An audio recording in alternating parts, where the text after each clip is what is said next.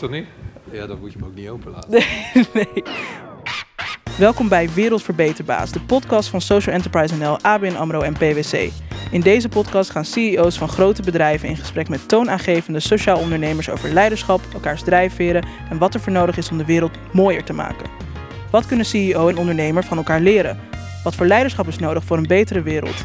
Zijn corporates en social startups tegenpolen of juist partners in crime? En waarom worden die boardrooms toch gedomineerd door witte mannen? Mijn naam is Noah Struik, host van de podcast Wereldverbeterbaas. Ik ben zelf een zelfstandig sociaal ondernemer, activist, podcastmaker, schrijver en spreker. En hou me in mijn eigen werk vooral bezig met genderdiversiteit en gendergelijkheid.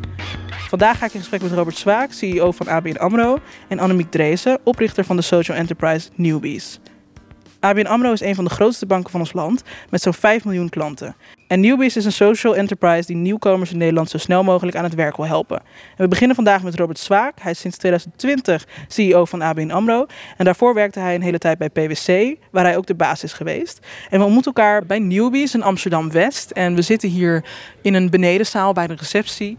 Uh, op een hartstikke prachtige bank met een heel mooi kleed ervoor. En een piano waar Robert net al even op wilde spelen, maar dat mocht niet. Robert, welkom. Uh, jij bent nu de baas van een groot bedrijf, maar weet je nog wat je wilde worden toen je klein was? Uh, ja, dat weet ik nog wel. Dat is uh, politieman en daarna piloot. Dat zijn hele andere dingen dan die je nu doet. Wanneer dacht je van, ik kan wel eens de baas worden van, in dit geval, ABN AMRO? Nou, dat heb ik eigenlijk nooit gedacht. Dat is pas heel veel later is dat, is dat, ben ik daarvoor gevraagd. En toen, toen ben ik daar eens naar gaan kijken. En dat, ja, dat was een prachtige, een prachtige vraag. En daar ben ik heel graag op ingegaan. Ja, dus het was nooit een, eh, een, eh, jongensdroom al om, dat, uh, om baas te worden van zo'n groot bedrijf? Nee, ik heb nooit echt de droom gehad om baas van iets te worden. Dat, dat is ook niet iets wat, wat echt in me gezeten heeft. Ik heb altijd wel, zeker toen ik professioneel aan de slag gegaan ben, ben ongelooflijk veel voor mijn klanten, ongelooflijk veel voor mijn mensen. En waar ik wel iets mee had was strategie. Hoe kom je tot een strategie? Maar dat is één ding, maar hoe vervolgens ga je die dan uitvoeren? Dat was wel een vraagstuk die ik al vrij snel tijdens mijn studie opgepakt heb. Maar ik heb nooit echt uh, het idee gehad, ik word ergens de baas van. Nee, precies. Maar je bent het toch geworden. Dat is in ieder geval, uh, daarin zit je alsnog met de strategie, denk ik. Uh, mag je daar een beetje aan voelen en spelen, denk ik. Ja. Um, en Annemiek, en haar, we zijn nu bij Annemiek in Newbies. en haar onderneming zet zich in voor de integratie van nieuwkomers in Nederland specifiek. Um, wat heb jij zelf met dat thema? Heb je überhaupt affiniteit met dat thema? Ja, ik heb heel veel affiniteit met dat thema. Ik heb zelf een uh, moeder uit Curaçao. Dus we zijn uh, een generatiefamilie die van nieuwkomers eigenlijk uh, ontstaan is. Een Curaçaose moeder met een Nederlandse vader. En vervolgens meegemaakt hoe, ja, hoe, dat, hoe dat eigenlijk gaat. Dus van oudsher heb ik daar zeker iets mee gehad. En ik heb de achterliggende jaren heel veel gedaan in het kader van een, een, andere functie die ik had. Met nieuwkomers in elk land, maar dan vooral voor jonge kinderen. We hebben 0 tot 6 maanden. En wat dat met kinderen doet en hoe je kinderen begeleidt. Op het moment dat je een nieuwkomer bent in een land. En wat er voor je nodig is en van je gevraagd wordt. Dus ja, ik heb heel veel met dat thema. Superleuk dat we dan hier zitten met Annemiek en uh, bij Newbies. Dan hebben we vast een heleboel om zo meteen te bespreken ook met Annemiek. Super tof. En in deze podcast hebben we het onder andere ook over hoe we de wereld kunnen verbeteren. En ook wat daar uh, voor leiderschap voor nodig is. Wat voor leider vind je jezelf? Wat voor leider ben jij? Zijn er skills die je vindt dat je verder zou moeten ontwikkelen bijvoorbeeld? Ik vind dat heel moeilijk om te zeggen wat voor leider ben je zelf. Dat, dat vraag ik graag aan de mensen uh, die, uh, waar ik dan uh, leiding aan mag geven. Maar als ik er iets over van kan winnen, dan is het... ik probeer toch zoveel mogelijk verbinden te zijn. Ik probeer begrip te hebben voor standpunten. Te begrijpen waarom mensen zeggen wat ze zeggen. Maar vervolgens dan ook wel, als je dat gedaan hebt, duidelijk te zijn in besluitvorming. En dat je dan ook je besluiten neemt en vervolgens ook uitvoert. En dat is strategie en executie. Um, zijn er dingen die ik moet leren? Ja, elke dag zijn er wel weer dingen waar ik mee geconfronteerd word die ik moet leren. Uh, het luisteren naar jou. Wat vertel jij mij eigenlijk in de vraag die je me stelt? Je stelt me de vraag, maar zit daar nog een vraag achter? Uh, wie ben je als mens? Dus het, het, luisteren, het tijd creëren voor stilte, voor ruimte. In een wereld die zo ongelooflijk snel beweegt, is denk ik altijd een aandachtspunt en zeker ook voor mezelf. dus er zijn altijd zaken die je weer beter zou willen doen en zou willen leren. Ja, ik denk ook wel dat het een van de mooie dingen aan het leven is dat je nooit stilstaat en dat je daar eigenlijk altijd nieuwe dingen mag leren ook. Ik denk dat dat een heel mooi uh, onderdeel is van het leven. Ja, het is, het, is het, het, eigenlijk openstaan voor wat er in je omgeving gebeurt. En dat is vaak heel moeilijk, hè? want het is heel fijn, zoals jij en ik hier nu op een bank zitten, om daarover te praten. Maar als je geconfronteerd wordt met verandering, is dat vaak niet het eerste waar je aan denkt dat je dat zou willen doen. Hè? Laat de wereld maar gaan, ik blijf lekker waar ik zit. En dat is ook prima. Maar het, het, realiseren dat die wereld in beweging is en daar een onderdeel van kunnen zijn, ja, dat is ook iets wat ik graag doe. Ja, en ik denk dat het ook wel wat oefening vergt. Want wat je zegt inderdaad, het is niet, uh, niet het makkelijkste om daarin in mee te gaan. En ook sowieso niet hoe de wereld zo snel gaat. Ik hoor veel mensen zeggen, ja, we leven in de red race en dat gaat ook allemaal veel te snel. Dus ik denk dat we daarin allemaal heel veel uh, kunnen leren als je dat inderdaad wil. Want dat hoeft natuurlijk niet per se. Nee. Is er iets wat je van Annemiek zou willen leren? Nou, dat, wat ik heel mooi vind, en dat zit al een beetje besloten in dat sociale ondernemerschap, dat je die twee combineert. En lange tijd hebben we gedacht, het sociale moet vanuit een bepaalde kant en ondernemerschap moet vanuit een andere kant. Dat is een beetje gevestigd gedenken, wat al jarenlang eigenlijk bewezen wordt dat sociaal ondernemerschap daadwerkelijk bestaat. En wat ik ongelooflijk leuk vind, is niet alleen het initiatief wat er genomen is, maar het feit dat je als bedrijf, wat ik zo net even kort hoorde, toch al zoveel gedaan hebt in zo'n relatief korte tijd. En waar ik, ja, waar ik wat, wat van hoop te leren hoe ze dat gedaan heeft. Dat wou ik uh, net zeggen, uh, andersom gezien. Wat denk je dat zij dan eventueel van jou zou kunnen leren? Nou, dat laat ik graag aan haar. Laat haar, maar de, laat haar de vraag stellen, dan zal ik daarop beantwoorden. Ehm, ik heb een hele lange reis achter de rug. 30 jaar lang bezig geweest. ik ben nu bezig bij ABN AMRO heel veel ervaring opgedaan, uh, heel veel fouten gemaakt. Uh, we over een aantal dingen die goed gegaan zijn. Nou, ik merk in het gesprek wel wat ze graag wil weten.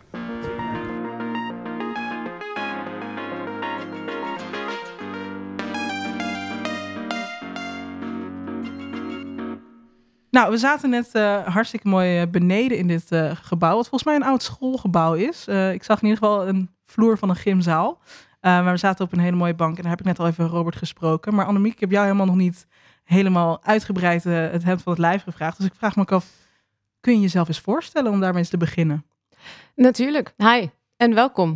Uh, dank je. Bij Newbies in Amsterdam-West. Ja, dank je. mijn naam is Annemiek Dreesen en ik ben initiatiefnemer, eigenaar en algemeen directeur van Newbies. Dat is kort maar krachtig. Wat wil je nog weer van me weten? Nou, kun je eens vertellen waar we precies zijn en nou, iets meer uitgebreid daarover. Ja, natuurlijk. We zijn uh, bij Newbies, bij Newbies Amsterdam. Newbies heeft vestigingen door het hele land. Dit is de vestiging waarvan wij onze Amsterdamse activiteiten organiseren. En Newbies is een onderneming die nieuwkomers in Nederland uh, faciliteert naar werk, participeren en meedoen in de maatschappij. En dat doen we bij lokale ondernemers en organisaties. Dus wat wij vooral doen is het koppelen van mensen aan mensen. En op die manier organiseren wij uh, dat er meer werkgelegenheid ontstaat voor nieuwe mensen en nieuw talent in Nederland. Nieuwe mensen, zeg je ook heel breed. Waar moet ik dan aan denken bij nieuwe mensen, nieuwkomers? Een hele goede vraag. Over het algemeen zijn dat in ons geval mensen met een vluchtverleden. En, uh, en volksmond ook wel statushouders genoemd. Uh, maar wij willen graag uh, het hebben over mensen en niet zozeer over het documentje dat zij bij zich dragen. Dus vandaar de term mensen. Precies. En jij bent, dat heb je volgens mij nu niet genoemd, maar jij bent je carrière ooit begonnen bij ABN AMRO, klopt? Dat klopt, ja. Dat had ik er niet bij verteld. Nou, begonnen misschien niet zozeer, maar ik heb er wel een hele tijd gewerkt. Ja, dat klopt. En nu ben je dus sociaal ondernemer. Hoe is dat dan zo gelopen, uh, die route? Het is, het is een vrij lang verhaal. Uh, voordat ik bij de ABN AMRO werkte, was ik ook al zelfstandig ondernemer meer in de non-profit sector. Daarvoor zat ik een hele tijd in Latijns-Amerika. Ben ik een non-profit begonnen. Uh, samen met mijn broer en nog een aantal andere mensen die onderwijs voor kansarme kinderen in Guatemala uh, faciliteert. Toen wilde ik daarna nog steeds de wereld veranderen. Maar ik dacht, dat moet ik eigenlijk van binnenuit die partijen die zoveel invloed hebben op onze wereld doen. Dus toen ben ik een traineeship begonnen bij, uh, bij ABN AMRO. En daar met heel veel plezier zes jaar gezeten. Over de hele wereld geweest ook. Was echt fantastisch. Onwijs veel geleerd. En in 2015 kwam ik terug naar Nederland. En dat was ook het jaar dat wij veel uh, zagen gebeuren op het gebied van migratie. Veel mensen Europa zagen proberen binnenkomen via de Middellandse Zee. Uh, toen ben ik ook een tijdje naar Lesbos gegaan. En toen heb ik daar eigenlijk vooral eh, voor mezelf dingen gezien en met mensen zaken beleefd. En die twee dingen die vooral gebeurden, was dat ik mensen ontmoette die vol energie aankwamen en er alles van wilden maken. Die dan vervolgens in een systeem terechtkwamen waar hen ontzettend veel ontnomen werd en eigenlijk alleen maar vertraagd werd. En aan de andere kant zag ik, oké, mijn talent ligt mogelijk niet in het langzaam, doch belangrijke werk van het verduurzamen van de ABN AMRO, maar meer in het snelle eh, schakelen tussen mens en systeem eh, voor deze eh, prachtige mensen die deze kant op komen. En toen ben ik een AZC binnengewandeld en toen heb ik een aantal mensen gevraagd: wie ben jij? Waar kom je vandaan? En wat wil je hier eigenlijk doen? En toen ben ik voor die mensen vrijwilligerswerk gaan zoeken. Die mochten niet werken, was nog, die zaten nog te wachten op een status. Waren toen lange wachtrijden bij de IND. En van het een kwam het ander. En nu zitten we hier op ons kantoor in Amsterdam. Dat is een van onze 15 vestigingen. 15. En wanneer zijn jullie opgericht?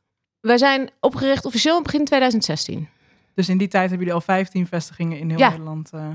Hartstikke mooi. Heel goed om uh, te horen.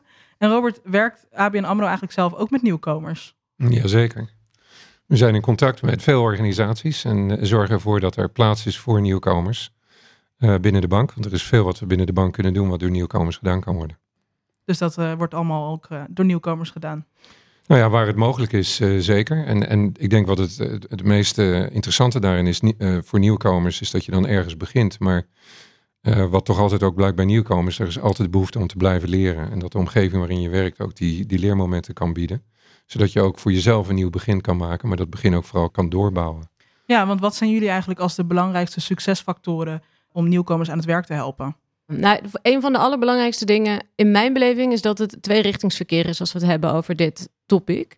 Dus aan de ene kant uh, willen wij dus de mens die hier nieuw komt, die talent heeft, begeleiden en laten zien hoe kan je dat talent nou inzetten in de arbeidsmarkt die, die hier bestaat. En aan de andere kant denk ik dat er een grote opgave is voor, voor bedrijven als ABN AMRO om ook te zien, goh, wat is divers talent eigenlijk? Op welke manier kunnen we dat boven laten drijven? En op welke manier kunnen we dat aantrekken? Want je moet als onderneming ook een beetje iets anders gaan doen om op de juiste manier dat talent boven te laten komen. Dus ik denk dat het vooral heel belangrijk is dat, het, dat, dat we samen aan dit, uh, aan dit vraagstuk werken. En waarbij uiteindelijk de persoon in kwestie centraal staat. want we praten vaak over de, over, over de mensen zelf. En ik heb kort geleden nog een heel gesprek gehad met iemand die nieuwkomer was in Nederland. En die een, een kans gehad heeft en zichzelf daar ook verder in ontwikkeld heeft. En dan is juist die, die afstemming inderdaad van de persoon zelf op de organisatie en de organisatie die, dan, die, die met zo'n uh, collega aan de slag is, is juist zo belangrijk. Dat je dat, dat gesprek kunt blijven voeren, vooral om die leermogelijkheid verder uit te nutten. Ja, dus ik hoor, je bent het er helemaal mee eens wat uh, Annemiek net oh, ik, zie ook, ik zie je ook helemaal knikken, dat zien de mensen thuis Ja, nee, het is gewoon prachtig. Ik was ook heel blij dat we dit gesprek mochten hebben. Ja, nee, fijn dat jullie er zijn. En wat zijn de grootste uitdagingen voor ABN AMRO uh, als het gaat om maatschappelijk impact? Oeh, dat is weer een, uh, Mooie brede, is een brede vraag. Het maatschappelijk impact. Nou, laat, laat gewoon beginnen met een bank in de samenleving. Een bank heeft een ongelooflijk belangrijke rol in die samenleving. En dat uitzicht in, op allerlei manieren. Maar ik denk dat het allerbelangrijkste is, wat we de, waar we de afgelopen jaren heel hard aan gewerkt hebben, is dat vertrouwen. Wat natuurlijk jarenlang een thema is geweest. Om dat vertrouwen wat een samenleving mag hebben. En wat jullie mogen hebben in, in de bank waar je mee werkt. Dat we dat vertrouwen ten alle tijde waarmaken. En dus dat we dat door alles wat we doen, uh, dat we daar consistent in blijven. we hebben een prachtige purpose van ABN AMRO, Banking for Better for Generations to Come. Nou, maak dat maar waar en maak dat maar elke dag waar. En jezelf daaraan toetsen. En ik denk dat dat continu een uitdaging is voor iedereen. En laat staan voor een bank. Ja, precies.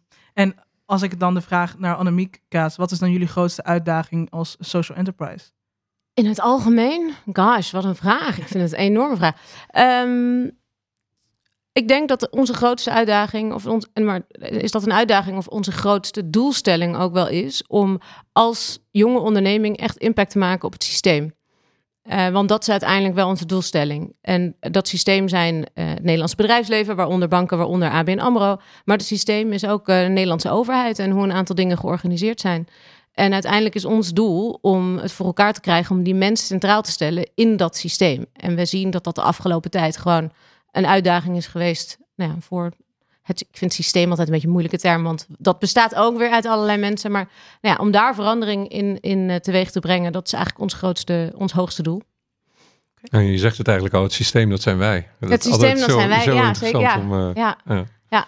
ja, is ook een heel groot, uh, groot iets zo'n systeem. Ik bedoel, dat, alles is ook een systeem. Alles is, loopt ook binnen een, binnen een systeem. Nou, wat wel mooi is, denk ik, wat, wat, wat jij nou ook noemde, is dat blijf met elkaar in gesprek. Blijf met die persoon in gesprek. Laat het mensenwerk zijn. En laten we die mensen ook centraal hebben. Die staat uiteindelijk aan de basis van dat systeem. En volgens mij, als we daar. Als we dat met z'n allen in de gaten houden, dan komen we wel uh, steeds een stapje verder. Je merkt het elke keer. Op het moment dat mensen elkaar verstaan en ook de poging doen om elkaar te verstaan, ja. dan bereiken we iets. Op het moment dat we anderen het, de, een dialoog en het debat laten voeren, dan loopt het toch vaak heel erg mis. Nou, en om daarop aan te sluiten, is wel mooi als we elkaar verstaan, maar ook als we echt oprecht geïnteresseerd zijn in elkaar. Ja. Ehm, een van de dingen die wij veel bespreken als wij met bedrijven praten over hoe kan je nou omgaan met, eh, met mensen die hier niet vandaan komen, hè, of die een andere culturele achtergrond hebben, dan krijgen we vaak terug van mensen, ja, maar ze, iedereen is uitgenodigd om wat te zeggen of een bij te dragen aan de discussie. En de vraag terug is, maar heb je ook gevraagd wat iemand ervan vond? Heb je ook gevraagd naar de mening van die persoon?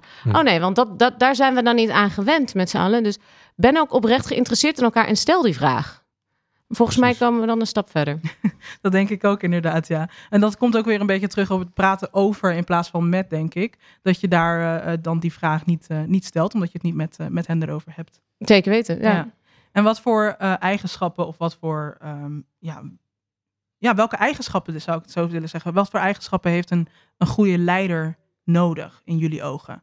Dus ik moet altijd denken aan een coach die ik jaren heb gehad, die eh, ons als, als klein groepje eh, dwong om onder allerlei omstandigheden te presteren, maar op een manier dat de inclusiviteit, namelijk het team en het belang van het team nooit geschaad werd. Er waren allerlei belangen, maar het belang van het team, dat bleef cruciaal. Hoe belangrijk alle andere dingen ook eh, zouden zijn. En, en voor mij is een van de aspecten van leiderschap is, is empathisch vermogen. Ik weet dat het een veelgebruikt woord is.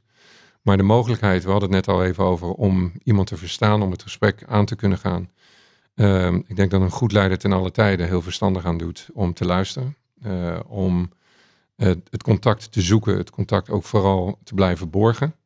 Eh, een goed leider weet dan ook vervolgens hoe je met die, die indrukken die je dan krijgt omgaat. Welke besluitvorming daar dan vervolgens op volgt.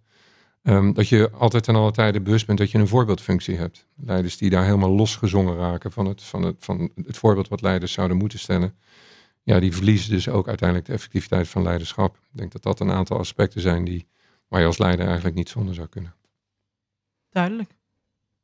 Vinden jullie veel knikken naar elkaar? Jullie lijken het veel met elkaar eens te zijn. Zijn er dan dingen waar jullie ook denken, daarin verschillen wij misschien wel heel erg van elkaar? Dat is een vrij lastige vraag. Ik zit nu te kijken.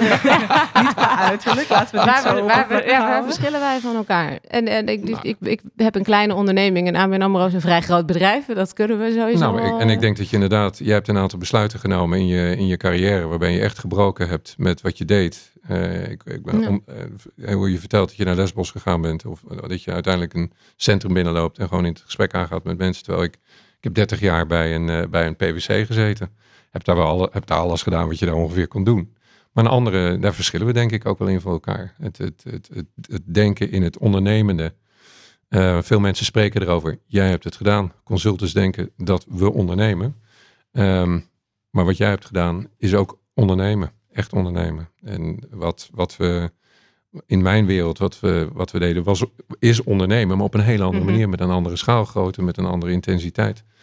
Ehm, wellicht ook andere achtergronden. Dus ik denk dat we daar zeker in verschillen. Maar ik herken wel veel in wat je zegt. Ja, nee, in een minuut hoor. En ik denk ook wel dat dat... En, toevallig ken ik ABN AMRO als bedrijf ook wel. En, eh, en herken ik ook wel wat, wat daar kan. En dat, daar, dat, je- daar ontzettend mooie carrière kan ontwikkelen. En, en eh, dat het niet voor mij was weggelegd op een gegeven moment. Omdat inderdaad... Ik maar ik ga denk ik tikken van andere dingen.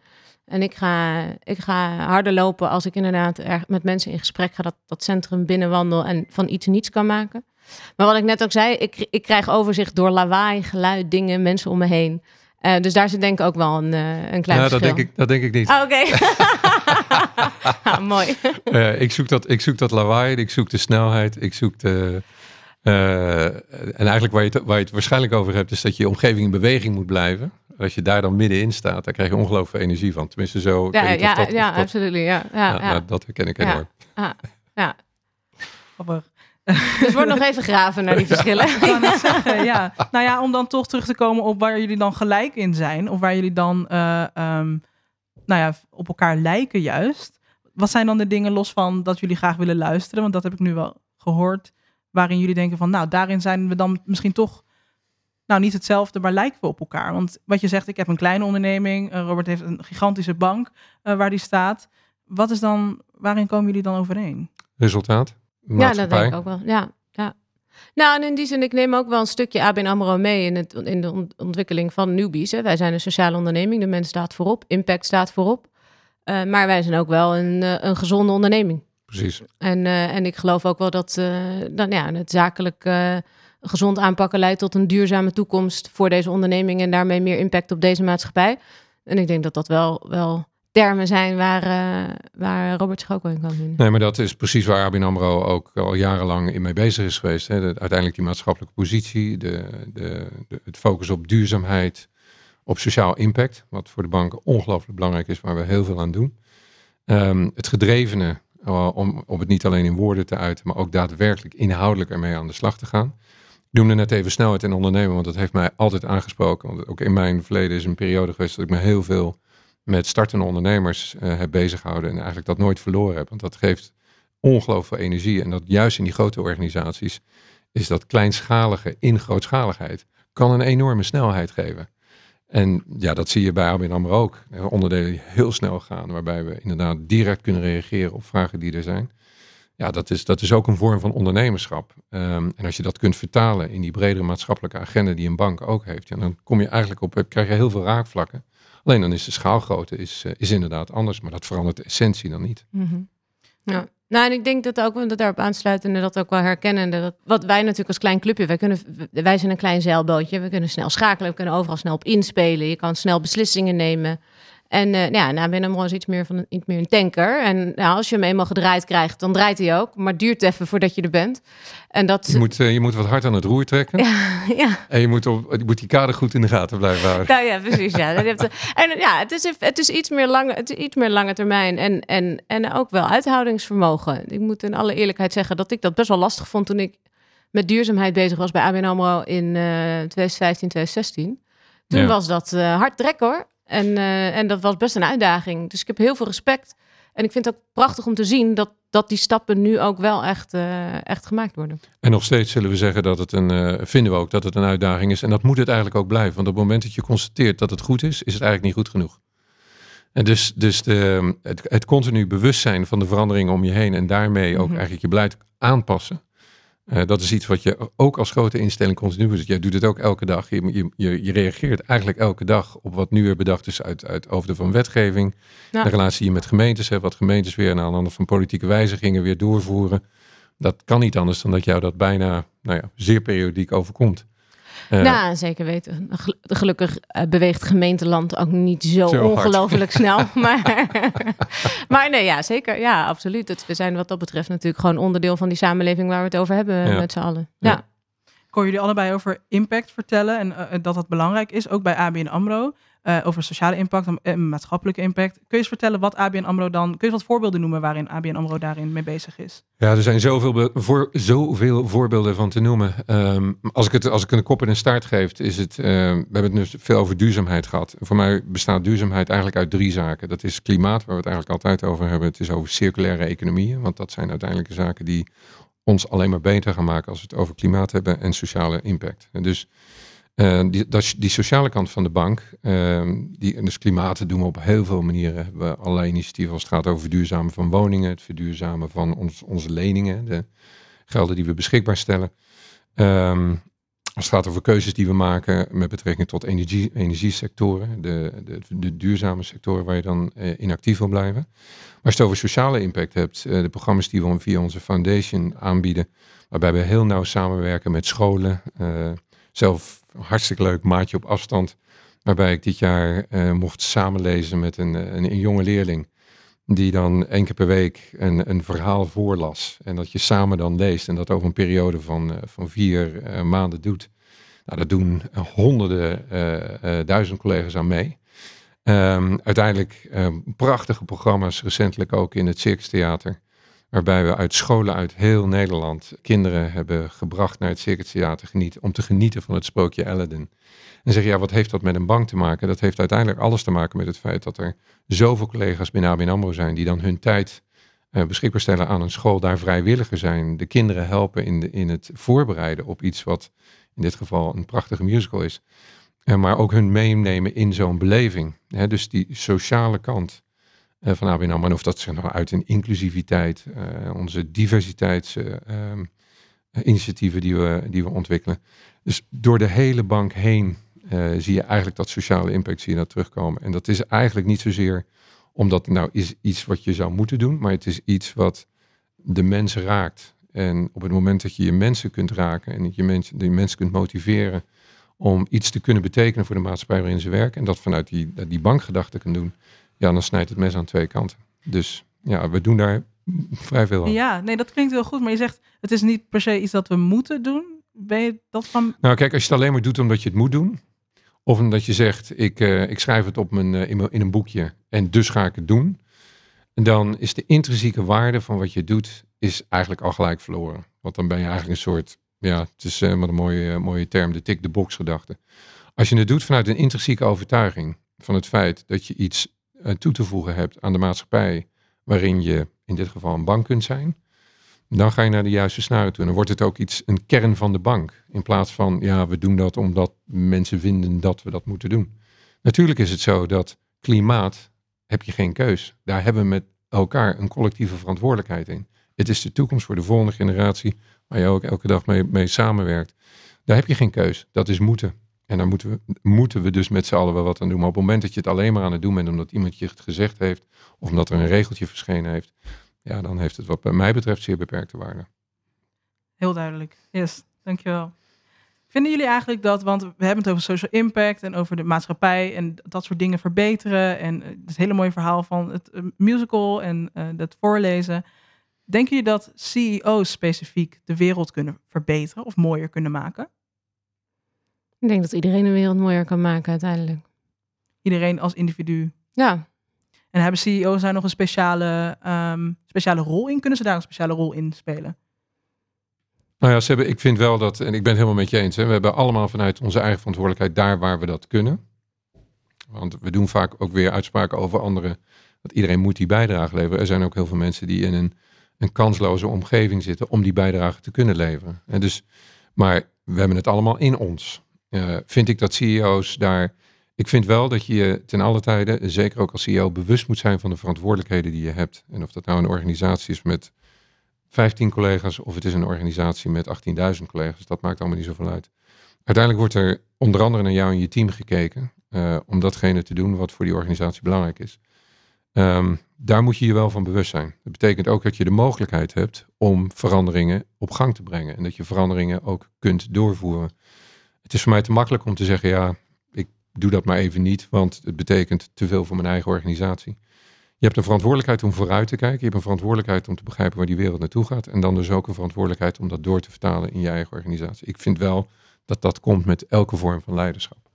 Nou, dat, ik, ik deel het heel erg. Ik denk dat de, de verantwoordelijkheid wordt natuurlijk groter naarmate de onderneming groter wordt, het bedrijf groter wordt en daar, de impact daarmee meer, hè, meer mensen betreft.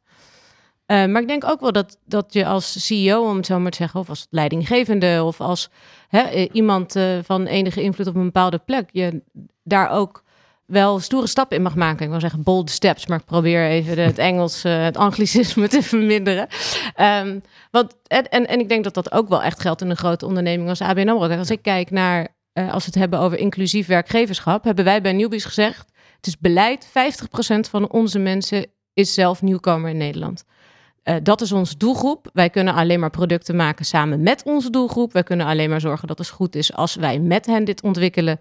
Um, en bovendien zeggen wij dat wij geloven in een inclusief land door inclusief werkgeverschap. Ja, dan moeten wij wel zelf ook een inclusieve werkgever zijn. En dan kom ik een beetje terug op dat moeten ook, wat net uh, langskwam. Ja, ik, ik vind dat dat moet. Ja. En dat is dus beleid bij ons. En is het soms makkelijker om te zeggen: Oh, ik, uh, ik fiets er even iemand in die uh, vloeiend Nederlands spreekt, want dat net makkelijker even op dit moment. Nee, dat is dus gewoon een harde nee. Dat doen we gewoon niet. Dan zoeken we verder en dan gaan we op een andere manier iemand anders aantrekken. En ik denk wel dat we dat soort, om het verschil te maken, dat in ieder geval wij als newbies ambiëren te maken. En denk ook wel, als we het verschil willen maken waar we het net over hadden, als we vooruitkijken, als we kijken naar de wereld waar we in geloven en waar we naartoe willen groeien, denk ik wel dat het belangrijk is dat we dat wij als CEO's dat soort stappen durven maken. En denk dat dat ook wel in, in grotere ondernemingen als een ABN AMRO passend kan zijn om daar uh, straf op te zijn. Ja. En, en, daar zit het moeten wel in. Dat ben ik volstrekt met je eens. Waar we het eerder hadden over moeten, gaat het over waarom creëer je een, mm -hmm. tussen aanhalingstekens moeten situatie. Ja. Dat gaat denk ik wel, dat, dat ontstaat vanuit een, een, een, een intrinsiek gevoel, een intrinsieke ambitie om echt iets voor elkaar te krijgen. Ja. ja en daarom zei ik ook net, denk wat ons ook wel verbindt, is dat je daar dan ook het resultaat op wil zien. En dat creëert het moeten. Bij ABN AMRO zie je dat ook. We hebben, hè, als, als je nou over duur, verduurzaming hebt, we hebben gezegd 2030 zijn alle woningen die wij financieren zijn duurzaam. Punt. Ja. En dat betekent, daar hebben we een aantal criteria voor. En daar gaan we dan voor. Daar wordt niet op afgeweken. Ja, en dat creëert natuurlijk, en, en we omarmen dat, daar werken we ook aan. Maar dat soort stappen moet je wel Ja, kunnen en durven nemen. Ja. Ja. En, en vervolgens ook, op het moment dat je constateert, is dat snel genoeg? Is dat voldoende? dat je dat ook weer aanpast. En dat je, we zijn van, van 4 miljard naar 40 miljard aan wat dan duurzame eh, eh, activa zijn. Hè? Dus de, de, de, de, de, de, de, activa die wij beheren voor, eh, voor klanten. Die heb ik ooit ook nog eens mogen tellen trouwens. Nou, moet je, ja. moet je Als je dan naar die doelstellingen kijkt, dat zijn behoorlijke straffen. En die stellen we dus ook elke keer weer bij. En, daar, en sterker nog, ik denk dat je daar als CEO ook die verantwoordelijkheid hebt om elke keer weer te kijken van hoe ver kan je dat stretchen. Hoe ver kan je die verantwoordelijkheid ook nemen? En wat ik daar heel belangrijk vind, is dat je het haalt. Nou, dat is prima. Ja. Maar het gaat uit die ambitie die je daar ook in mag Het gaat om het naartoe bewegen. Ja, Ja. precies. En, en, en is er een ambitie als het gaat over inclusief werkgeverschap bij ABN AMRO? Nou ja, dat, is, eh, dat zit hem in de samenstelling van de top. Het zit hem in de samenstelling van Mhm. het Equal Pay. Het zit hem in het, eh, alle doelstellingen die we gesteld hebben over diversiteit en inclusiviteit. Genderdiversiteit is geloof ik iets waar... waar eh, Komen we zo ook nog heel even op terug natuurlijk. nou ja, iets waar we voor, eh, gezegd hebben eh, dat de top van de bank aan een bepaald percentage moet voldoen. Mhm. En daar wordt dan dus ook op gestuurd en gewerkt. En dat betekent niet alleen in genderdiversiteit, maar ook eh, alle vormen van diversiteit. Ja, dat wordt gewoon heel na, nauwgezet gemeten. Eh, het stellen we onze doelstelling voor en daar passen we ook ons beleid op aan. Zijn die stappen stoer genoeg, zoals Annemiek ze net noemde? Stoere stappen? Nou, ik vind, ik, uiteindelijk is is het nooit stoer genoeg. Eh, we, eh, er is altijd zo'n zo'n theorie dat je, als je als 30% bereikt is, dan kun je stoppen. Ik weet niet of dat, eh, of dat klopt. Eh, ik vind eigenlijk dat je, en dat zien we bij, eh, in mijn- geval zit ik ook heel erg op genderdiversiteit. Daar kan je niet mee stoppen. Eh, want je kunt een jaar 30% gerealiseerd hebben en het jaar daarop gebeurt er weer van alles, waar je onder die, eh, onder die vloer zakt. Ben heel lang tegen quota geweest, eh, omdat ik dacht van nou uiteindelijk, eh, als we het alle verschillende onderdelen op de juiste manier doen, dan, komen we er wel. Nou ja, dat is dus niet zo. Eh, dus uiteindelijk zullen we ook daar weer mee geholpen moeten worden. Maar je zal voor jezelf die doelstellingen moeten zeggen. Ik ben ook ontzettend trots op de benoemingen die we, die we net binnen de top van ABN AMRO ook weer hebben gedaan. En waarbij twee dames weer bij gaan komen zijn. We hebben ook heel erg gekeken naar de, de, de inclusiviteit van het, van het bestuur zelf. Eh, de diversiteit, eh, diversiteit van het bestuur. Ook als het gaat over waar kom je vandaan, wie ben je. Ehm, ik weet dat dat er op raad van commissarisniveau ook zo gekeken wordt. Nou, de hele laag eh, bij ABN AMRO die samen met die raad van bestuur werkt, daar doen we eigenlijk hetzelfde voor. En dat, vertaal je elke keer maar weer een stap door in die organisatie. Maar de ervaring leert dat je daar, je bent er nooit, nooit mee klaar. Dat, dat blijft gewoon zo doorgaan. En dat is ook eigenlijk iets wat we in deze podcast ook willen bespreken. In deze eh, onze terugkerende rubriek. Eh, namelijk met de vraag: waarom zijn er toch zo weinig vrouwelijke CEO's ook in Nederland? Dat is wel best een probleem. Eh, er zijn meer CEO's die Peter heten dan dat er vrouwelijke CEO's zijn.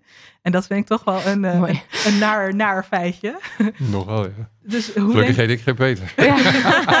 nee, dat valt er mee. Valt er mee. Ehm, hoe denken jullie dat dat komt? En wat kunnen we daaraan doen met z'n allen? En, en wat kwalificeert in deze als CEO? Ik denk wellicht dat het beursgenoteerde fondsen zal zijn. Ehm, want ik vind wel dat je in toenemende mate eh, vrouwen ziet, eh, ook naar de top van organisaties ziet komen. Maar ik ben het met je eens. Ik, ik, eh, toen, ik, toen ik CEO van ABN AMRO werd, heb ik eigenlijk ooit eens geroepen. Ik ben al zo lang, probeer ik een bijdrage te leveren in die, in die diversiteitsdiscussie, in die genderdiversiteit. Dat ik me nu eigenlijk mijn enige verantwoordelijkheid was en is om te benoemen.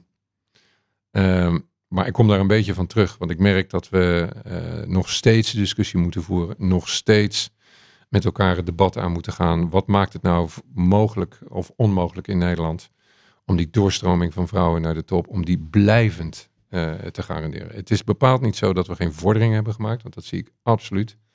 Eh, in, in, bij raden van commissarissen, in raden van besturen, is het voldoende? Nee, absoluut nog niet raak je daarmee in toenemende mate ook de discussie van inderdaad de witte mannen die nu zeggen, ja maar ho, wacht even, kom ik nog eens een keer aan de beurt? Want hoe zit dat dan met mij?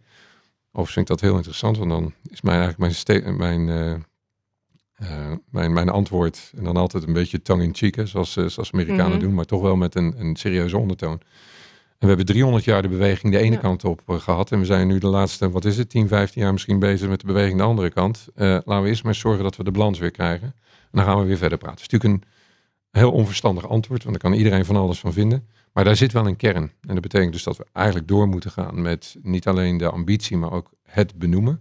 En ervoor te zorgen dat we omstandigheden creëren waarbinnen mannen en vrouwen in gelijke mate kunnen Mhm. doorgroeien. Dan kennen we allemaal de verhalen van hoe hebben we de opvang geregeld? Hoe zorgen we ervoor dat werkende mannen en werkende vrouwen eh, de zorg voor het gezin kunnen blijven delen? Waarom is er nog steeds die afslag dat de natuurlijke zorgende kant en vaak bij een vrouw terechtkomt, terwijl er ook heel veel stellen zeggen, maar ik wil die mogelijkheid in gezamenlijkheid hebben. Ehm, het zijn allemaal dat soort factoren. Nou ja, en er zijn natuurlijk verschillende factoren. En die herkennen we denk ik allemaal. Maar ik vraag me wel af, als we nou een beetje kijken. De, de ABN AMRO is een, is een grote onderneming. En, en de- de- daarmee misschien een beetje een afspiegeling van, van een Zeker. deel, in ieder geval een deel van deze samenleving.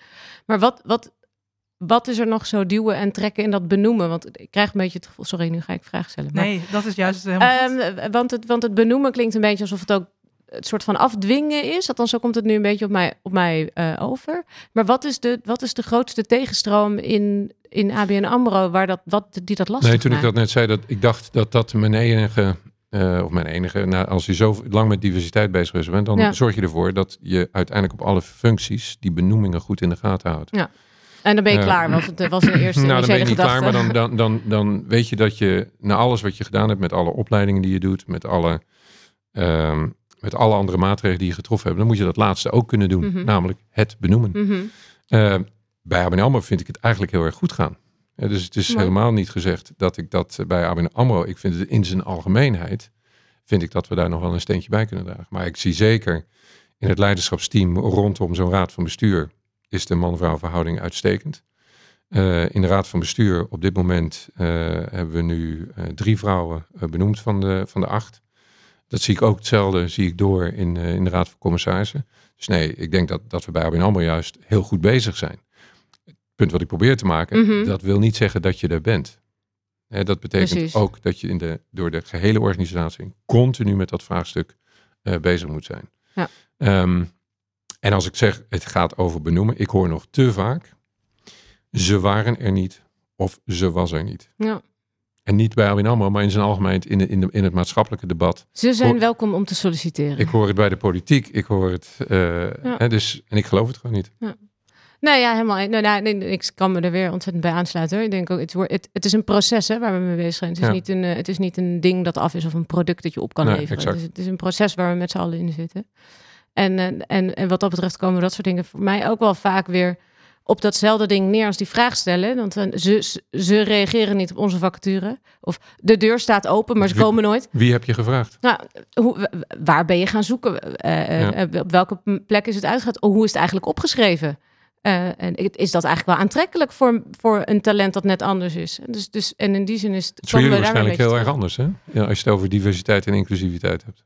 Maar hoe bedoel je heel anders? Nou, heb je, zien jullie, ervaren jullie dat als een thema?